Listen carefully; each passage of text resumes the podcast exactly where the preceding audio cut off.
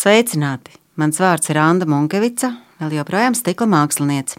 Vai zināji, ka stikls ir materiāls, kuram jāparedz visi desmit un vairāk soļu uz priekšu, lai panāktu iedomāto rezultātu?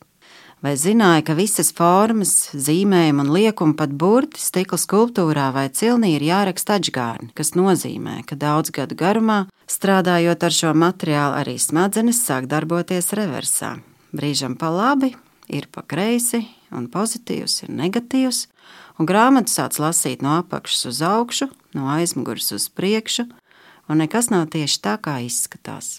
Ja vissenes cilvēki ir vilinājusi iespēju ieskatīties otrā pusē, ieskatīties tur, kur prāts kā racionāla uztveres vienība vairs īsti nedarbojas pavērt durvis uz nezināmo, gan spoguļu atspulgā, gan caur dažādiem rituāliem ar stikla piramīdām un lodēm, gan alegoriju meklējumos, kā stikla pērlīšu spēle vai stikla kalns, kurā jāuzjāj antiņam.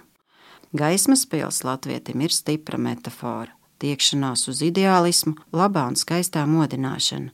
Tās ir drosmīgas, simboliskas un pārliecīgas kultūras mantojuma un gadsimtu zināšanas, kas jāatmodina sevī.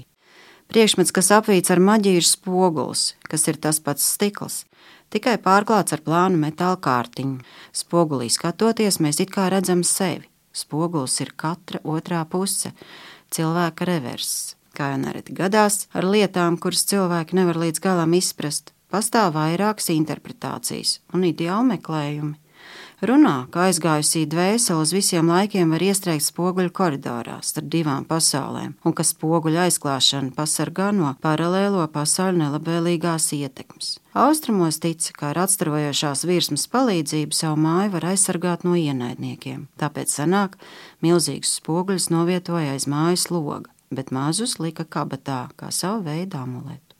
Arī Alisa brīnumzemē ir stāsts par aizspogulī, kas ir cita realitāte, kurā iekļūt iespējams tikai caur spoguli, kas ir attēla simbols. Tātad apziņas simbols. Grāmatā tas atspoguļo pasaules daudzveidību, smadzeņu ilūzijas, soli nezināmajā, tur, kur robežas starp dzīvību un nāvi tiek dzēsta. Hermaņa Heses stikla pērlīšu spēle ir visu estētisko mākslu un jebkuru zinātņu sintēzi. Tajās var vilkt paralēlus starp mūziku un matemātiku vai ķīniešu arhitektūru. Ir jāizprot daudz un dažādas lietas, sfēras, jautājumi un jāspēj tie sasaistīt cēloņos un sekās. Piemēram, katrs nākamais amats nav viss pakāpiens pretī brīvībai, bet gan jauna atkarība. Jo augstāks amats, jo lielāka atkarība, jo lielāka amata vara, jo smagāka kalpība jo stiprāka personība, jo vairāk nosodāma patvaļa. Gļēvuls un nodevējs ir arī tas, kas gara dzīves principus noliedz materiālu interešu vārdā. Stikla pērlīšu spēle ir dilemma starp gara un reālo pasauli, tikai abu pasauļu savienošana sniedz pilnvērtīgu dzīvi. Novēlu katram atrast savu stikla pērli, kurā spoguļoties un pievērēt savu stikla kalnu. Novēlu pavērt apziņu, paraudzīties uz pasauli caur citu skatu prizmu, no dažādiem skatu punktiem, ne tikai no ārēji redzamajiem, īpaši jo šodienas pasaules notikuma kontekstā. Tagad ir rīcības krustcels, kad saskaramies ar eksistenciāliem izaicinājumiem, un nekāda ārēja marķieri nepalīdz tajos orientēties. Nākas ieskatīties sevi, uzdot jautājumus savai sirdsapziņai, izdarīt izvēles un atrast gaismu tālākam ceļam.